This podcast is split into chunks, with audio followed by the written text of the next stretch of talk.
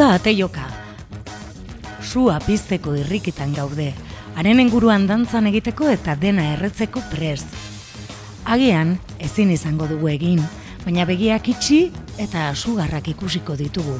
Memorian gordetako momentuekin konformatu beharko gara. Kresalaren usaina, txosnetan goizeko zazpietan oinetakoen txipli txaplarekin. Ikutzerik ez padugu, nola sortuko da elektrizitatea? Udazkenaren zain geratu beharko gara, trumoiak behar ditugu. Zarkorra zer da ba, udako trumoi egunetan euri usaina, aroma umel, berde, lepel, antzinako hori. Uritantek azalean talka eginez. Memoria ariketak. Ongi etorriak Bilbo iria irratiko kultur artefaktura. Hauze Piperpolis duzue.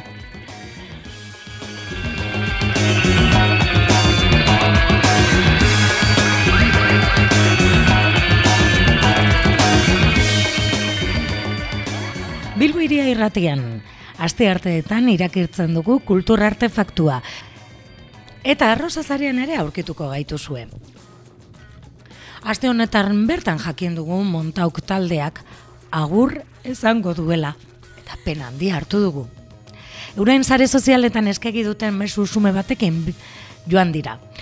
Urrela dio mesuak batzuetan muga batera iritsi zara, oraino iritsi da gurea, orain muge berrien bila. Eskerrik asko, saratarik egin gabe, baina bi disko eder betirako musikazaleon gozamenerako utziz. Bilaketan, lehen diskoa, 2006an argitaratu zuten. Eta bestea, bigarrena, geruzak, 2018an. Montauken geruzak gainera atmosfera bat ere ekartzen zigun. Eta penarekin guk ere, agur esango diogu, baina esan bezala, bidizko ederritzi dizkigute. Eta azkeneko diskoko kantu batekin utziko zaituztegu.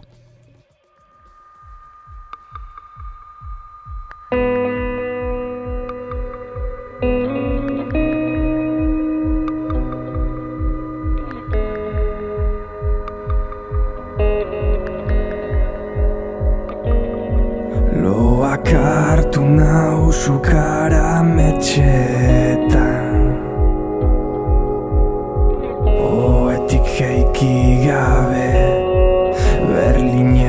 kaletan Iuna gaua azal zurietan. Hodei lainotan. Hitza lida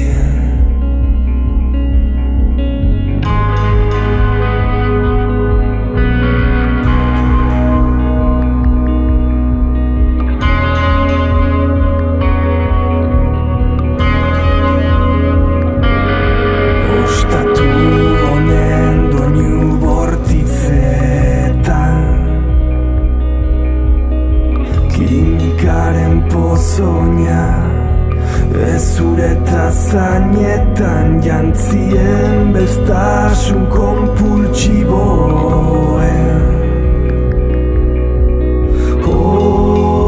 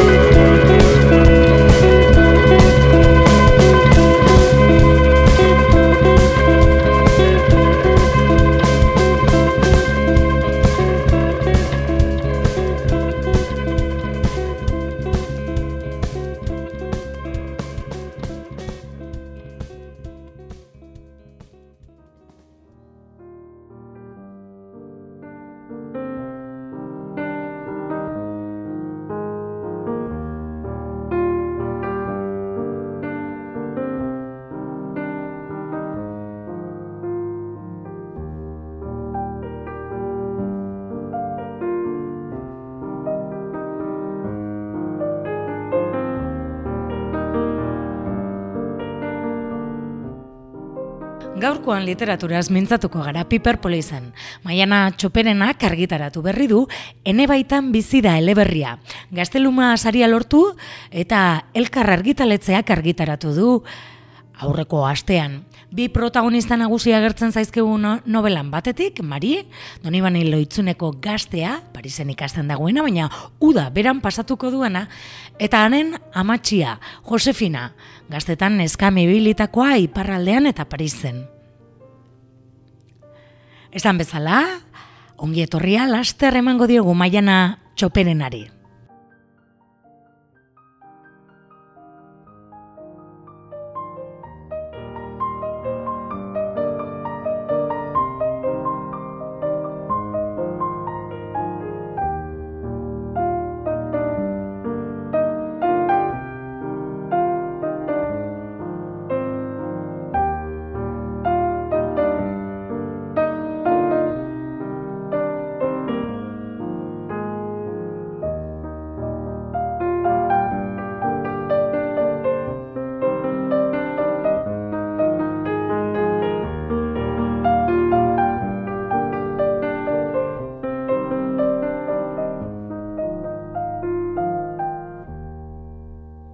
Maian etxopirenak eh, argitaratu berri du, ene baitan bizi da eleberria. Gazteluma saria lortu du eta eleberriak eta elkar argitaletzeak argitaratu du. Bi protagonista nagusi agertzen zaizkigu novelan batetik, Marie, Donibane Loitzuneko gaztea, Parisen ikasten dagoena, baina udan beran pasatuko duena. Eta Josefinaren amatxia, gaztetan neskame ibilitakoa iparraldean eta Parisen. Askotariko historiak gurutzatzen dira eleberrian, amatxi bilobaren arteko harremana ere ikusten dugu, gaur eguneko duten harremana gure esoekin ditu, duena lagunekin, eta biben launaldiren art, e, errealitate ere ere ikusten dugu novelak. Gaurkoan, maien etxoperenarekin berbe egingo dugu, telefonaren bestaldean dugu, arratzaldeon. Bai, arratsaldeon. Bueno, ene baitan bizi da novela, e, bi, bi ari tartekatzen dira, ez? Bi pertsonai nagusi ho- hoiena, ez? Maria alde batetik eta Josefina, ez? Bai, hori da. E, aipatu duzun bezala, bueno, e, bi pertsonaia nagusiak hoiek dira, eta bueno, alde batetik e, kontatzen du e, Magi eta Josefinaren arteko harreman hori, historia hori, justu e, Magi e, bueltatzen da Parisetik e, ikasketetatik Euskal Herrira uda pasatzera, eta erabakitzen du bere amatxiren edo amonaren etxean e, pasatzea uda, eta ba, ari hortan ba, bere ibilerak eta kontatzen ditu uda horretakoak, eta beste ari alitzateke ba, e, magiren amatxi Josefina gaztatzen garaian kokatua dagoena, e, ba, neskamel lanetan Ipar Euskal Herrian eta Frantzian nola aritu zen kontatzen duena. Mhm, Aipatu dugun bezala, bat artekatzen e, doaz e, historiak, e, bueno, kapitulo ezberdinetan, ez, e, sei e, kapitulo hoietan. Aipatu dugu hasieran ere, gazteluma seriara aurkeztu zenuela e, proiektua, eta ondoren, zakit proiektua aurkeztu, novelaren proiektua eta gero ondoren idatzi behar izan duzun, nola izan da prozesua? Bai, holako literatur lehiaketetan e, ohikoa izaten den moduan, e, bueno, aurkeztu hartzen e, alde batetik lagin bat, e, nik e, liburuaren hasiera Mhm. aurkeztu nuen, eta beste alde batetik e, ba, proiektuaren ondik norakoak e, azaldu behar ziren, eta, bueno, e, lagin hori baino pixkat gehiago e, baneukan idatzita, baina ez askoz gehiago, eta eta ja behin e, ba, beka eman ziatela esan ziatenean, ba, eman ziaten urtebeteko epea Mhm. bukatzeko, eta eta horretan aritu naiz. Egia esan e, hor- horrelako beka bat irabaztea, ba, ba sorte bat zentzu hortan, ba, akullu lan bat egiten zizulako, ez? E, jartzen dizu data bat, eta ba, bada presio positibo moduko bat, ba, liburua bukatu behar duzulako, baina aldi berean e, badakizulako argitaratuko Mhm. dutela, baldin eta ez baduzu ba, ba oso, zerbait oso desastrea egiten, ez? Eta, bueno, sorte bat izan da niretzako egia zen, badu alde txar bat ere olako bekek ez, ba, persona bakarrak irabazten duelako, eta eta bueno, aurkezten diren gainontzeko guztiak ba, ez dokatelako sorte bera, baina bueno, ni privilegiatu sentitu nahi zentzu hortan, eta eta asko gozatu dut. Mhm, Idazketa prozesuan, ez, proiektu hori ja gauzatzerakoan, e, bueno, gustora aritu zara, ez? Bai, e, bueno, proiektua bera duela iruzpala urte edo hasi nintzen Mhm. idazten, gero, e, bueno, ia da pixkat, hasi utzi berriro hasi horrela ibili nintzen, e, bekara aurkeztea erabaki nuen arte eta eman zidaten arte, eta e, liburuaren zatilik handiena iazko udan idatzi nuen, ba, izan nituelako hilabete batzuk ez neukana beste Mhm. e, obligaziorik edo egiteko, Eta, bueno, placer bat izan da niretzako, asko gustatzen zait idaztea, eta, ba, pixkate iazko udan olako rutina mogoko bat hartu nuen, e, e, ba, idazten ibiltzeko. E, bueno, ziurgabetasunak ere izan ditut, ba, ba inork ez ditulako azaltzen, nola idatzi behar den liburu bat, eta horra, ba, pixkate itxumustuan ere ibiltzeko sensazioa izan dut batzuetan, baina, bueno, orokorrean gustora aritu. Mhm. Bueno, gero, gertatu da gertatutakoa, eta pixka bat atzeratu da, ez? E, argitaratzea edo plasaratzean, esan nahi dut. Bai, hori da, e, sarako idazlen biltzarrerako argitaratu behartzen e, liburua, martxo bukaera pirilazera alderako, eta ba, justu konfinamendua e, etorri zen, eta pixka bat atzeratu da, baina, bueno, egia esan, e, espero, espero nuen erako e, nahiko ongi, ez da, hasieran, bueno, inorketzekien izukatuko zen konfinamendua, noiz arte egun ginen horrela, eta, bueno, azkenean ja argitaratu da, Eta, ba, azkenean engizki ere, ez, e, bueno, justo liburua kokatuta dago uda batean, ekaina hasieran edo hasten da, eta agustu kaera aldera edo Okerrez bukatzen da narrazioaren ari nagusia, ordan, ba, uste dute udan irakurtzeko egokia izan daiteke. Bueno, San Ferminetan, aurten ez dira izango, baina, bueno, Hori da. memoria egiteko, ez? E, ez da txarra, bai, ez? bai, gainera liburuan zer, e, bueno, festak eta holako Holakoak bastante aipatzen dira, eta Bai. pentsatu nuen jo, bi- bitxia izango dela aurten ba, horri buruz irakurtzea festarik izango da eta. Bueno, tira, inoiz egon izan garenok, eh, San Ferminetan edo Baionako festetan, ba, bueno, por lo menos eh, egin dugu, ez, oroitzapen eta ere, ez, e, marirekin batera, ez.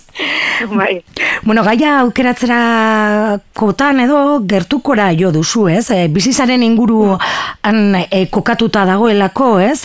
Eta Bai. suposatzen dut ere, ba, gertukoei entzundakoen inguruan, ez? E, bueno, ba, zure ama, e, e, amatxi bat agertzen zaigulako, ez?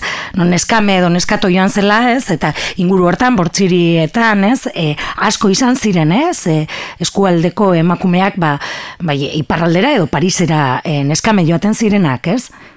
bai, hori da, e, bai, asko joan ziren, e, bueno, nire amatxi bera ere e, joan zen, eta, eta bueno, e, txikitatik entzun ditut e, alako historia asko, baina ikusten nuen, e, ba, ez zutela garrantzi handirik e, ematen historia hauei, eta asko gehiago hitz egiten zitzaigula, eta asko gehiago idatzi izan zela beste historia hauei batzui buruz, ba, adibidez, Ameriketara joan ziren hartzaiez, edo kontrabandoan aritzen zirenez, edo e, gizonezkoak ziren historiak, e, gizonezkoenak ziren historiak askoz gehiago e, aipatzen direla eta zirela irutzen zitzaian, eta horren bada, zentzu batean ba, emakume hauen bizitzari ikusgarri- ikusgarritasuna emateko e, saio bat edo, naiz eta e, ez den inondik inora ere historia liburu bat, e, Mhm. ba, bueno, ba... Fikzioa bai, delako, hori ez? Fikzioa Bai, delako. bai, bai. Bai, azkenan e, historia hori abia puntu Mhm. bat da, eta pertsonaiak e, hortan kokatuak e, daude asmatuak, baina, bai. Mhm. Oraina eta iraganan saltoka da bilen novela dugu, ez? Baina badute bi emakumeek eh, ez dakit ezin egun bat bezala, ez? Edo hori eh, ematen dio irakurleari, ez? Torkizuna nola antolatu, ez? E, e, nola joango den, zer e, bakoitzak dagokion sasoian, ez? E, ba, Mari gaur egun, ez? Eta eta Josefina, ba, e, bueno, ba, ondala berro eta marrute. Bai, eh, esango nuke liburu osoan zehar, e, badirela kezka batzuk, edo gai batzuk, edo gertakari estilo edo batzuk, errepikatu egiten direla, bai, e, gaur egungo e, kontakitzunean eta, eta, eta aurrekoan, eta beste gauza batzuk, ba, aldiz e, ezberdinak direnak, ez, ba, e, belaunaldi ezberdinetakoak izateagatik ere, ba, ikuspegi ezberdina daukatealako igual gauza batzuen inguruan, baina beste batzuetan igual e, ezain ezberdin, ez? Bai, pixkat hor- jolasean ibili naiz. Mhm.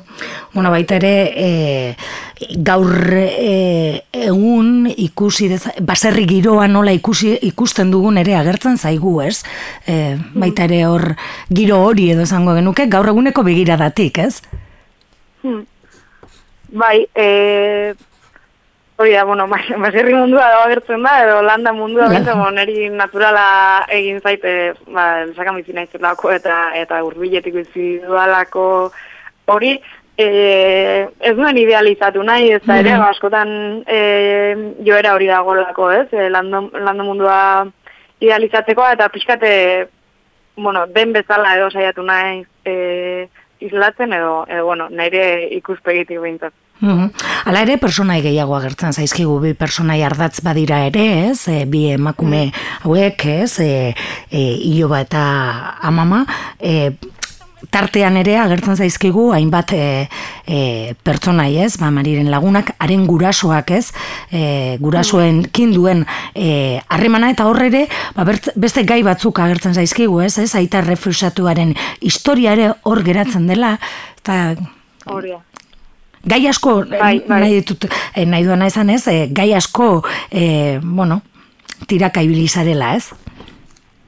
Bai, e, nik uste dut e, inkonsienteki zeharka gai batzuk e, atera zaizkidala, eta bai, Jose Luis edo e, bueno, Magiren aita eta Josepinaren semea den pertsonaia hori ba, beste pertsonaia importante bat nire ustez novela naiz eta ez dena inbeste agertzen edo bigarren plano batean agertzen den, e, beratik doni, donibalen loitzunera iesi joan dako errefusiatu bat da, baina aldi beran e, pixkat pertsonaia frustratu bat Mhm. dela edo e, esango nuke, gainera bananduta dago, e, bueno, pixka bakarri sentitzen da, e, ez dakit, e, igual, e, pixkat karikatura estatua gelditu zai, baina nahi nuen e, nola baite, iru, e, bueno, islatu e, errefusiatuen e, errealitate hori ere, ba, iruditzen zaidalako hori ere, ba, askotan ez dela hainbete aipatzen edo, e, bueno, bakigu badirela errefusiatuak edo izan direla, baina ez dakigu nola bizitzan diren, ze kezka izan ditzaketen, eta bueno,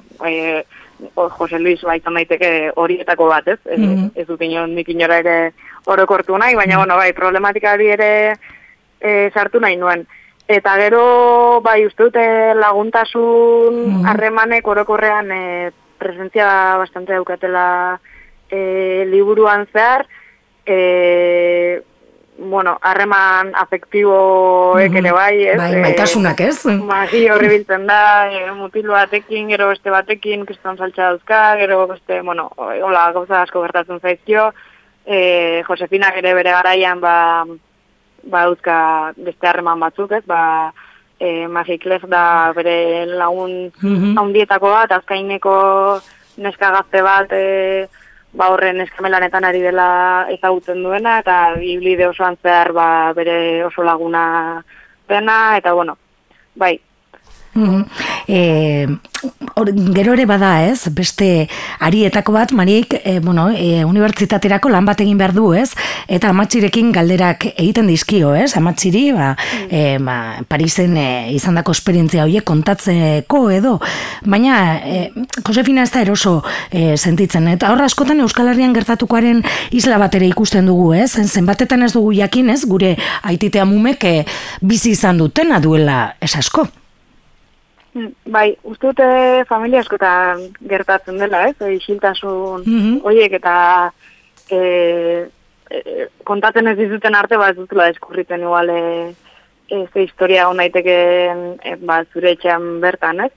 Eta, bueno, ez dakite aipatu dudan, baina e, e, gai hau lantzeko nahia izan nuen Mhm. e, duela urte batzuk ere, ba, e, gizarte antropologiako karrera ikasten ari naizelako, eta eta karrerarako landu nahi izan nuen e, gai bat izan zen, e, saiatu nintzen emakume hauetako batzuekin hitz egiten, baina grabadora bat e, jartzen nienean aurrean, edo esaten nienean lan baterako zela egin nahi nuena, e, oztopo batekin topatzen nintzen, esaten ziaten, e, ba, ba, ez zela importantea, bere mm bizizan zutena, edo, bueno, ez zukala garrantziarik, edo, bueno, egiteko beste zerbait, ez, e, gutxietxe egiten zuten beraien bizitza, eta, bueno, hori bera ere agertzen da e, liburuko pasarte batean, eta, eta bueno, e, pixka eta zerre arazten ninduen horre, baina uste badela ere adierazgarria, ez, emakumeok askotan e, ze garrantzia gutxi ematen diogun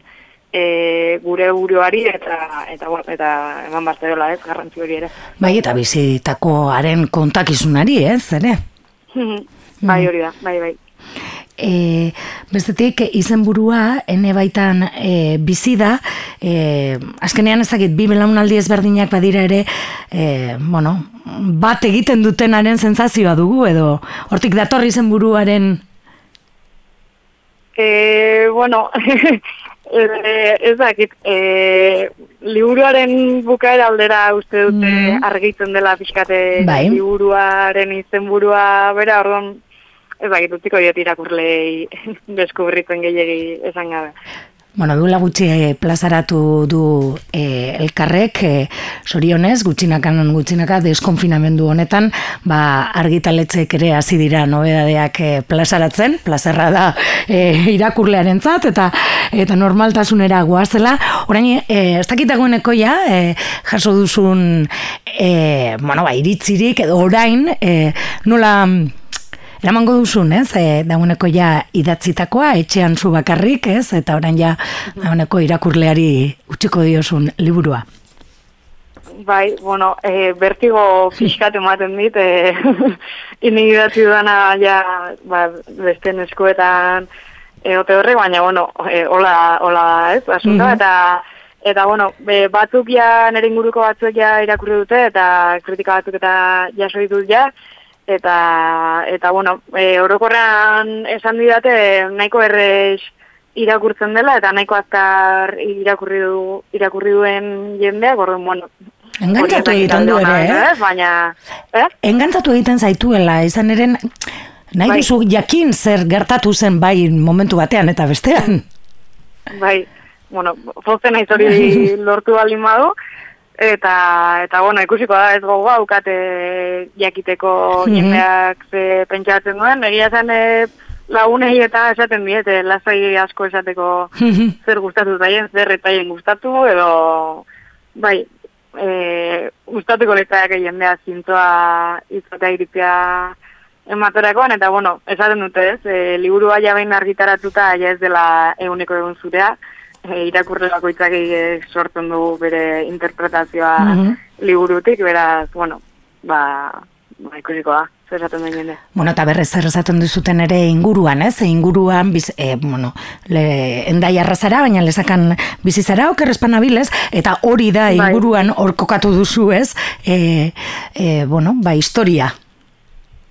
Bai, eta egia esan e, oso pozin nago izaten ari den harrerarekin, bueno, egia da, nahiko ezkutuan eramanuela liburu bat idazten ari dintzela, ez nion e, jende askori esan nahi, ba, ez nuelako nahi jendeak mm, ez dakit denbora guztian galdetzea, ez? Zer muzoa liburua.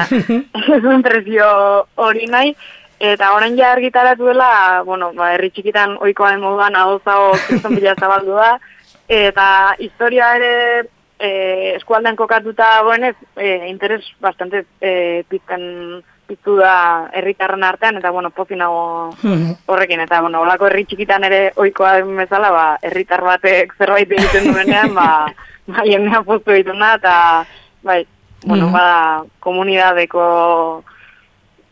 E, bueno, komunidade bizitza onerako eta txarrerako. azkenean. Bai, e, azala gustatu zaigu, e, bi pertsona joiek ez, e, bai, amatxia eta neska gaztea ez, elkar, elkarreko argazki bat. Bai, e, bueno, azala e, garazik onde orube diseinatzaileak e, Mhm. egin du, lezakarra da bera, e, bueno, eta nire laguna da, eta e, berari eskatu nion azala berre egingo zuen, segidan animatu zen, eta egia esan oso eskertuta nago egin duen lanarekin, ba, ustute lortu duela Mhm. e, ba, buruan neukan ideia plazaratzen, hori da, ba, gertzen alde batetik e, emakume, adineko emakume bat, e, ba, Josefina izango litzatekena kasu honetan, eta eta beste emakume gazteago bat, ba, magi izan daitekena, ez? Bi- bien arteko fusio bat, nolabait, e, irudikatzen du azala, eta bai, uste dute atentzioa ditzen duela. Mhm. Bueno, ba, besterik gabe, gonbitea luzatuko diogu entzuleari, e, dagoeneko ja, e, badaelako eskutartean hartzeko moduan, ene baitan bizi da, maiana, maiane txoperenaren, ba, lehenengo eleberria, nola, e, hartzen duzu hori, lehenengo eleberria. Ba, da, azkena izan, ez? Hori Pero- da, ez? Bai, ba, eskerrik asko gaur gurean egon izanagaitik, beste batera arte, eh? Bai, eskerrik asko zuei.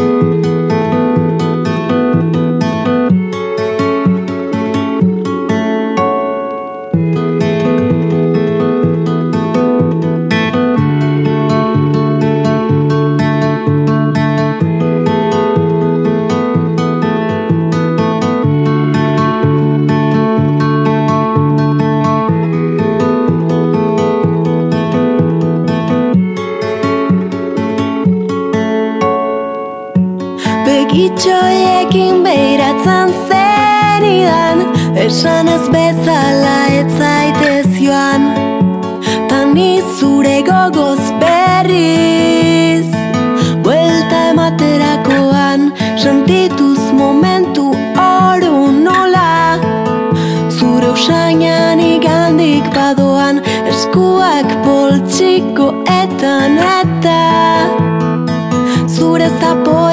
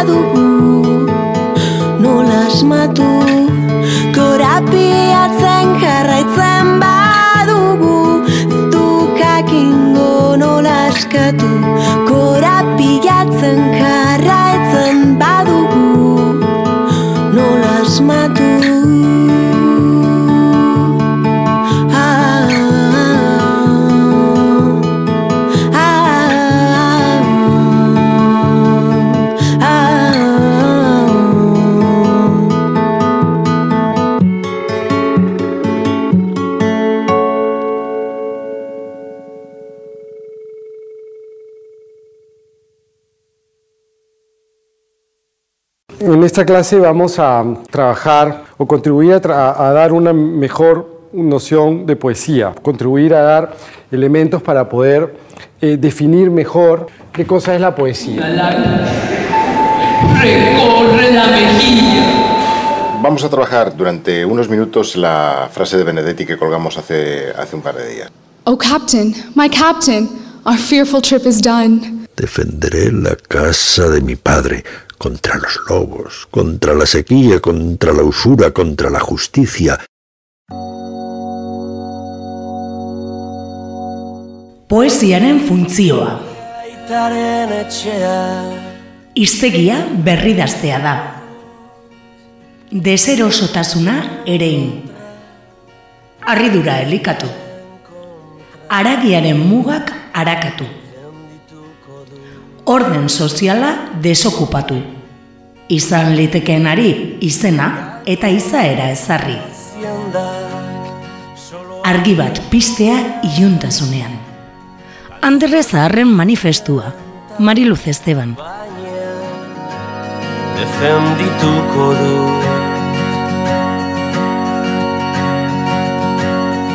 Armak enduko dizkidate Ta eskuarekin defendituko du.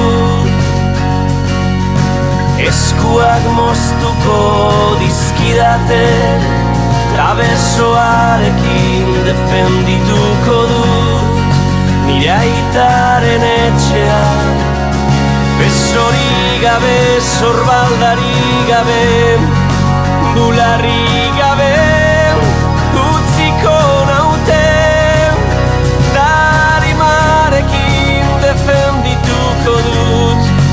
nire aitaren etxea.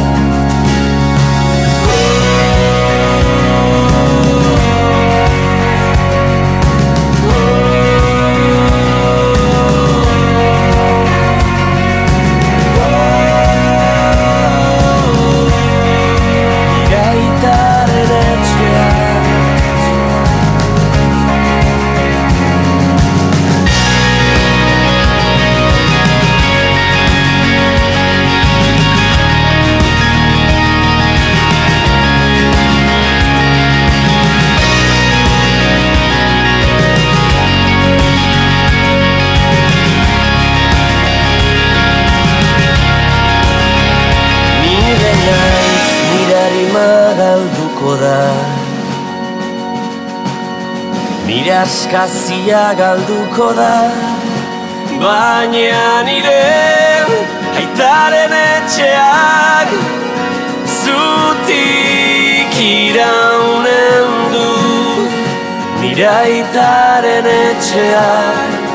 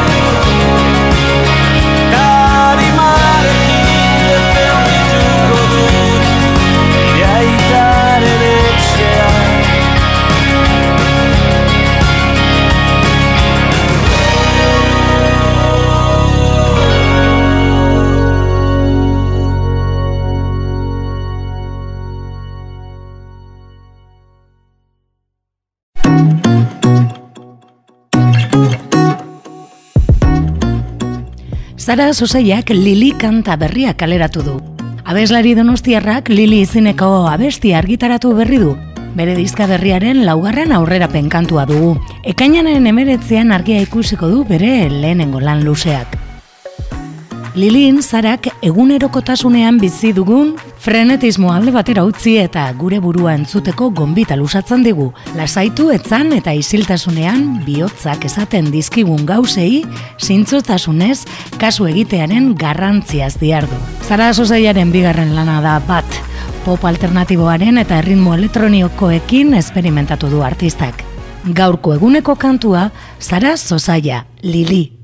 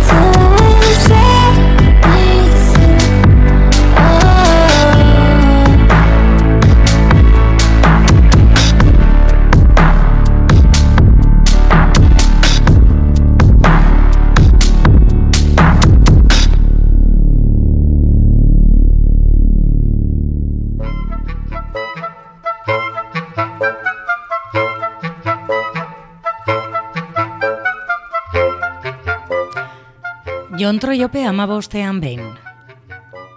Maskarak eta odola. Futbol partidak baleude, behar bada ez litzateke gertatuko. Behar bada, ditxosozko Espainiako koruaren final horretako kopa, norbaitek etxera eraman izan balu, lasaiago egongo zen amorruz betetako leia. Baina ez, hortze oiar borroka, zer eta gure lurraldeen artean. Norbaitek ezan zuen besala, badirudi garai hauek gudenon artean azterretzeko egunak direla, pikutara komunitate eta elkartasuna. Baina aitortu behar dut, ezer ez dakit futbolaren eta oiar borroken gainean. Ez ditut gustoko norgeiagokak eta apustuak, antzarkia nahiago, ez da sekretua, fikzioa nahiago, benetan ulertzeko eta sentitzeko. Azken azte luze hauetan denok egin dugu oroitzapenik atzera bidai. Eta nik antzerki ikastaroetako, astapenetako esgrima ikastaroak gogoratu ditut. Burua babestu kaskoa erabiltzen da esgriman.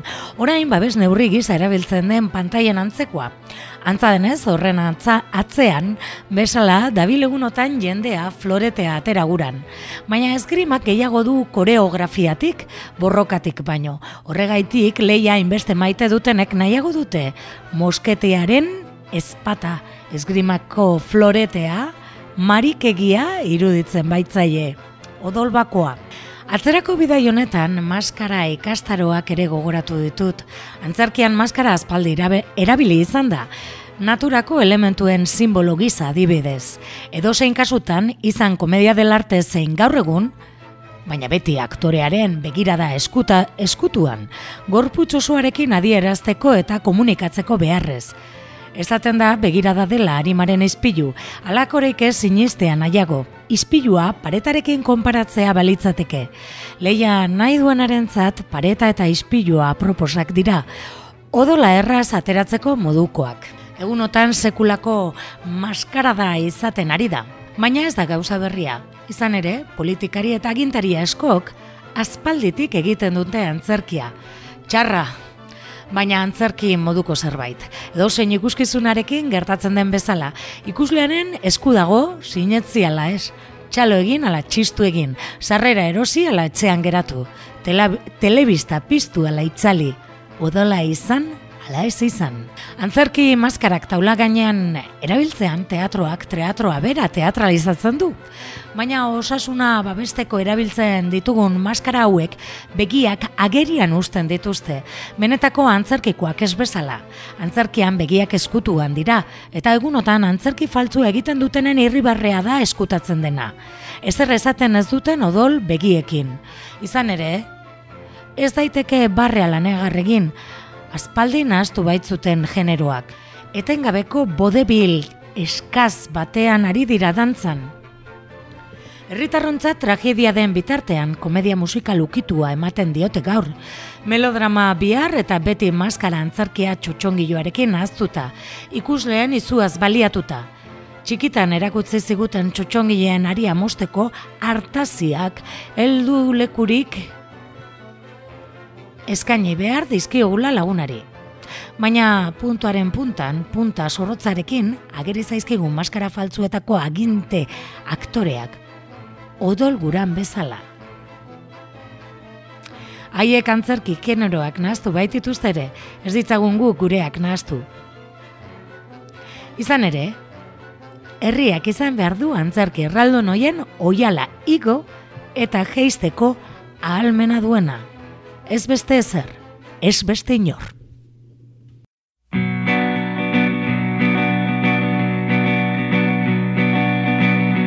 Kale zakur guztiek Nigan bazka dute Erraiak agerian E c'è il va dentro che oh, oh, oh.